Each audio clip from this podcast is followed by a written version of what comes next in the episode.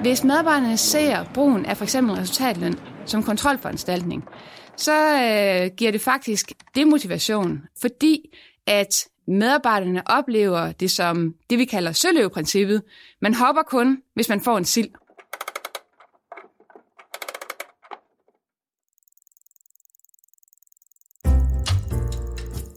Du lytter til Det Videnskabelige Kvarter, en podcast fra Aarhus BSS, hvor vi sammen med en forsker på 15 minutter vil give dig et indblik i noget forskningsbaseret viden om erhverv og samfund. Mit navn er Michael Skrøder.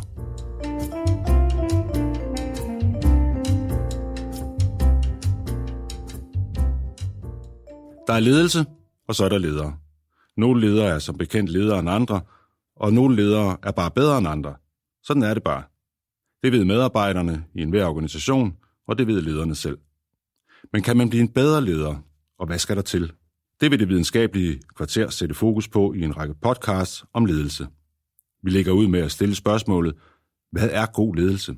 Og hvad vil være mere naturligt end at spørge centerledere i det nye Kronprins Frederik Center for Offentlig Ledelse og medlem af regeringens ledelseskommission, professor Lotte Bøge Andersen fra Institut for Statskundskab på Aarhus BSS. Velkommen til dig. Tak for det. Lotte, hvad er god ledelse? God ledelse er ledelse, der bidrager til, at organisationer når deres målsætninger. Og det er jo heldigvis meget forskelligt, hvad der skal til af ledelse i forskellige typer organisationer. Offentlige organisationer, private organisationer, små organisationer, store organisationer. Så hvad god ledelse er, afhænger af opgaven. Det afhænger af de øh, medarbejdere, man har ledelsesansvar for. Og det afhænger også af den kontekst, man bedriver ledelse i. Når vi laver ledelsesforskning, så ser vi det som vores fornemmeste opgave at prøve at finde nogle redskaber, der virker i forskellige sammenhænge. Og det er lederne selv, som bedst kan vurdere, hvad for nogle redskaber de skal tage op af værktøjskassen. Apropos forsknings- og forskningsprojekter. I har lige afsluttet et øh, meget stort forskningsprojekt, fireårigt øh, projekt, der hedder LEAP, Ledelsesadfærd og Performance, som du stod i spidsen for, øh, og hvor I analyserede ledelse i en række offentlige og private øh, organisationer. Hvad var formålet med det projekt? Jamen, formålet var netop at finde ud af, hvilke former for ledelse, der i forskellige sammenhænge kunne dels motivere medarbejderne, og dels faktisk nå de der vigtige målsætninger. Faktisk så startede vi projektet, fordi jeg blev rigtig irriteret for nogle år siden.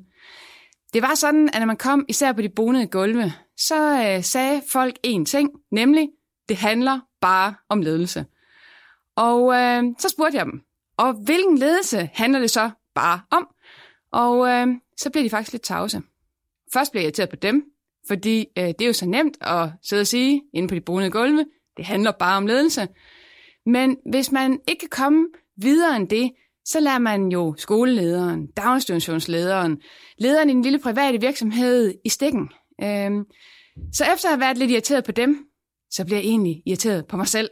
Fordi vi skal jo som forskere være dem, der faktisk leverer den her viden om, hvad er det for en ledelse, der virker i forskellige sammenhænge.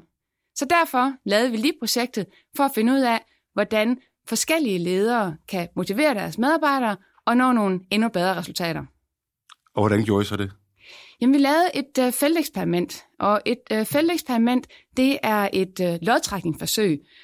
Vi inviterede simpelthen øh, knap øh, 700 øh, offentlige og private organisationer til et års gratis lederudvikling.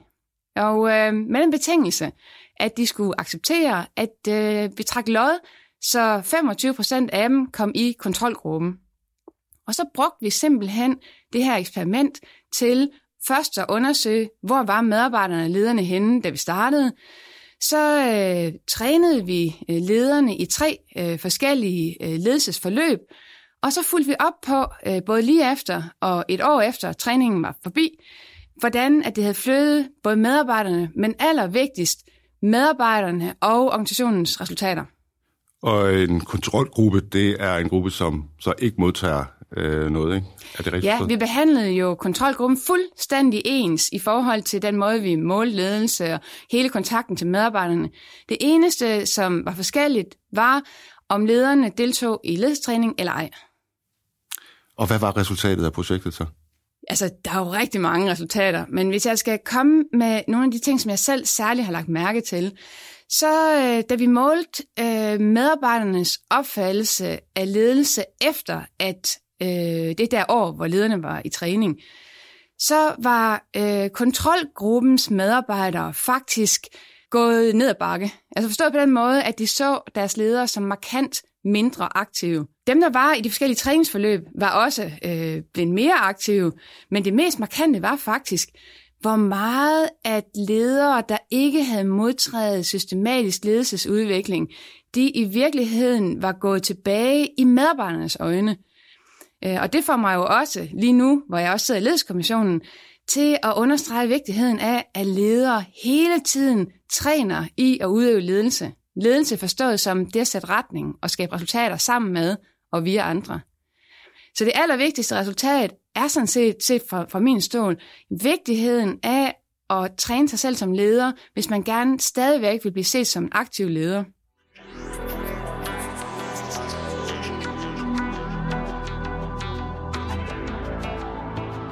I har jo øh, samlet resultaterne øh, i en bog, som hedder Ledelse i øh, offentlige og private organisationer, og vi kommer til at, at høre mere om resultaterne i nogle, øh, i nogle følgende podcasts, hvor vi dykker mere ned i det. Men nogle af de ting, som jeg har hæftet mig ved øh, i, i bogen, er, I snakker blandt andet om transaktionsledelse og transformationsledelse, og det skældner imellem. Hvad er transaktionsledelse? Det ligger næsten i navnet. Transaktion. Det er jo en form for byttehandel. Og vi er faktisk allerede begyndt at, at tale om en af de former for transaktionsledelse, som vi undersøger øh, i LIB-projektet, nemlig den øh, byttehandel, der sker, når medarbejderne leverer en rigtig stor indsats, gode resultater, og så lederen kvitterer med sin mundtlige, positive, meget øh, konkrete feedback. Øhm, det er en af de øh, ledelsesstrategier, som vi ser øh, virke allerbedst i projektet. Det er jo en transaktion, fordi at medarbejderne leverer noget, og lederen leverer tilbage i den der anerkendelse, som er rigtig vigtig for, for mange af de her både private og offentlige medarbejdere. Alle øh, medarbejdere, de har jo det her behov for at opleve sig selv som kompetente. Og øh, det er det, som lederne kan. Når vi er ude i en børnehave, og øh, institutionslederen får tydeliggjort over for den enkelte medarbejder, hvordan de faktisk bidrager ikke kun til det enkelte barns trivsel og læring, men sådan set også til samfundet i fremtiden, så bliver medarbejderen øh, meget mere opmærksom på, hvad man egentlig gør en positiv forskel med. Og så føler de sig kompetente og oplever sådan set også, at de får noget tilbage for den store indsats, de giver. Så det er en form for transaktionsledelse, som er meget robust i den forstand, at vi ser den virke rigtig mange steder. Så er der to former for transaktionsledelse, som er langt farligere at bruge for den både offentlige og private leder. Hvis vi starter med den transaktion, som er en, en, en mangel på øh, levering fra medarbejderens side, altså når at øh, medarbejderne ikke lever op til kravene, så, øh, og, og, med, og lederen til, derfor straffer øh, medarbejderen, så finder vi entydigt negative resultater, hvis det bliver brugt som hverdagsstrategi. Øh, hvis skolelederen kalder øh, læreren ind til en reprimande hver gang, at læreren træder et halvt skridt ved siden af, eller måske prøver noget nyskabende, som ikke helt lykkes, jamen så er vi sikre på, øh, ud fra de forskningsresultater, vi har, at demotivere øh, medarbejderne og skabe dårlige resultater. Men det er stadigvæk et værktøj, der ligger i kassen. Fordi hvis at lederne derude ikke har muligheden for faktisk ultimativt at træde ind med en, en faktisk fyring, hvis medarbejderne ikke kan bringes til at levere, så vil det jo lige så vel demotivere alle de andre medarbejdere. Fordi vi står på mål for hele vores organisation. Vi, øh, det er vigtigt for os, at ikke kun øh, vores øh, egne elever i en folkeskoleklasse lykkes, men også at alle andre elever. Så jeg ved, at der er masser af dygtige offentlige og private medarbejdere derude, som kan få helt ondt i maven over, at man har en kollega, som overhovedet ikke bidrager, og at lederen ikke gør noget. Så transaktionsledelse er også i det undtagelsesvise tilfælde, når man faktisk ikke med de andre midler kan bringe medarbejderne til at levere, at man også træder ind med en negativ sanktion på manglende levering. Så har vi den tredje, og det er jo øh, brugen af materiel belønning. Det er faktisk et sted, hvor vi finder meget forskellige resultater, alt efter hvilken organisation vi er i. Og der er det helt afgørende, hvordan medarbejderne de opfatter den her brug af materiel belønning. Hvis de ser det som en understøttelse, som en klap på skulderen, så ser vi faktisk positive resultater både på motivation og på resultater. Men hvis medarbejderne ser brugen af for eksempel resultatløn som kontrolforanstaltning, så øh, giver det faktisk øh, demotivation, øh, fordi at øh, medarbejderne oplever det som det, vi kalder søløveprincippet. Man hopper kun, hvis man får en sild.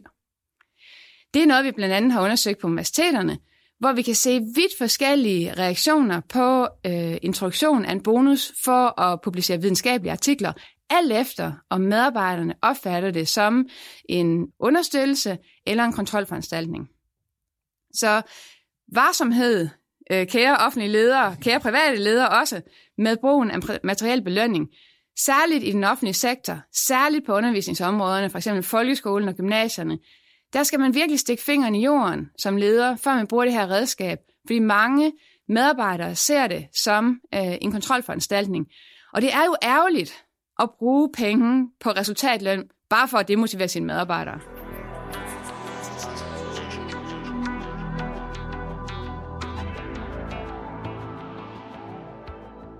Men hvad er så transformationsledelse? Transformation, det handler om at ændre.